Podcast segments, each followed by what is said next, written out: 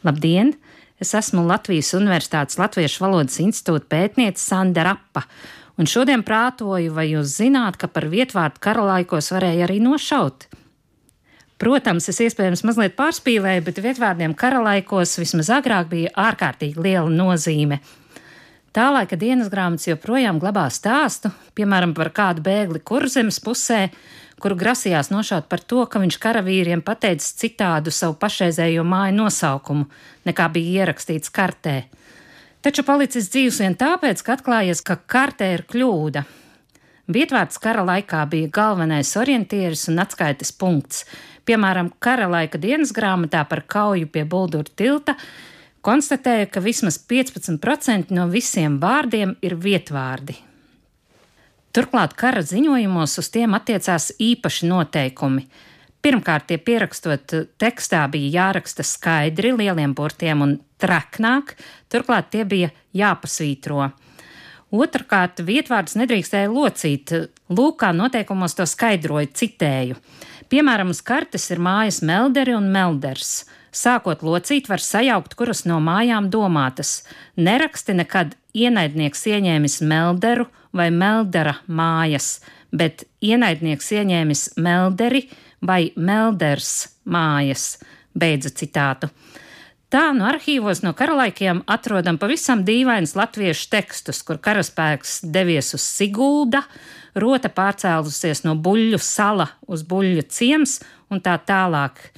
Šāda prasība kara ziņotāju vidū bija tā iegājusies, ka viņi vēl ilgi arī miera laikos nevarēja no tās atradināties, un laikrakstiem iesūtīja tekstus ar nelocītiem vietvārdiem. Vietvārdu kara laikā bija slepena, neizpaužama un sargājama informācija.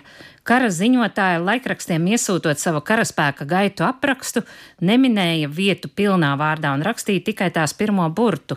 Piemēram, kara ziņotājs Uldis Ģērmanis raksta: Mūsu cīņu darbību apzīmē loks ap Z ezeru, vai arī bolševiki izlaupa L mājas.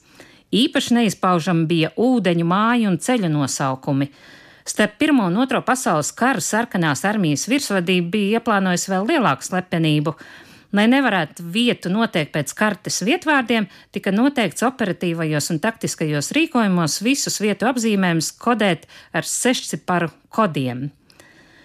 Vietvārdi kara laikā ir daudz pārdzīvojuši. Tie ir gan zuduši līdz ar iznīcinātām sētām, gan arī radušies no jauna, dodot apzīmējumus bunkuriem, īslaicīgām karavīru apmešanās vietām, kauju laukiem.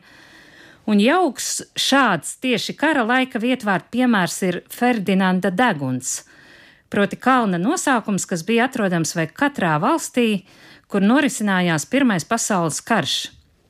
Arī Latvijā pie ilūgstes tāds esot bijis.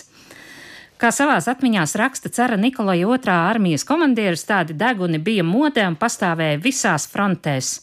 Izrādās, ka šādi kalnu nosaukumi ir metaforiski darinājumi, kam pamatā Bulgārijas kņaza izcila deguna īpašnieka Ferdinanda I vārds.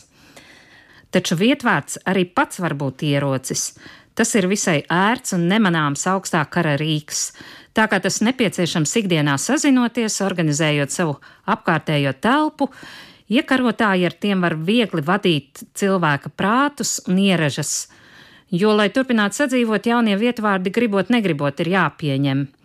Caur atkārtošanos, caur ceļu norādēm un fiksējumiem kartē, vietvārds iegulst tautas atmiņā un tālāk raisa virkni psiholingvistisku likumsakarību, un to apzinājušies visi iekarotāji. Lai tikai ieskicētu un pierādītu šo tēzi, minēšu dažus pavisam pazīstamus piemērus. Piemēram, brīvības ielu, kas jau iepriekš bija piedzīvojis vairākas nosaukuma maiņas atkarībā no varas maiņām. Otrā pasaules kara laikā pēc vācu okupācijas tika pārdāvēta Vācijas kanclera Ādolfa Hitlera vārdā, bet pēc padomju okupācijas par Ļeņina ielu. Var minēt arī Krišāņa Valdemāra ielu, kas pēc vācu okupācijas kļuva par Hermaņa Gēringa ielu, bet pēc padomju okupācijas par Gorkija ielu. Arī Bastē bulvāri, kas ir bijis gan vācu ordeņa gatve, gan padomju bulvāris. Un šeit, vēlot mieru pasaulē, katrā sētā un ģimenē, beidzu šo stāstu un saku paldies par uzmanību.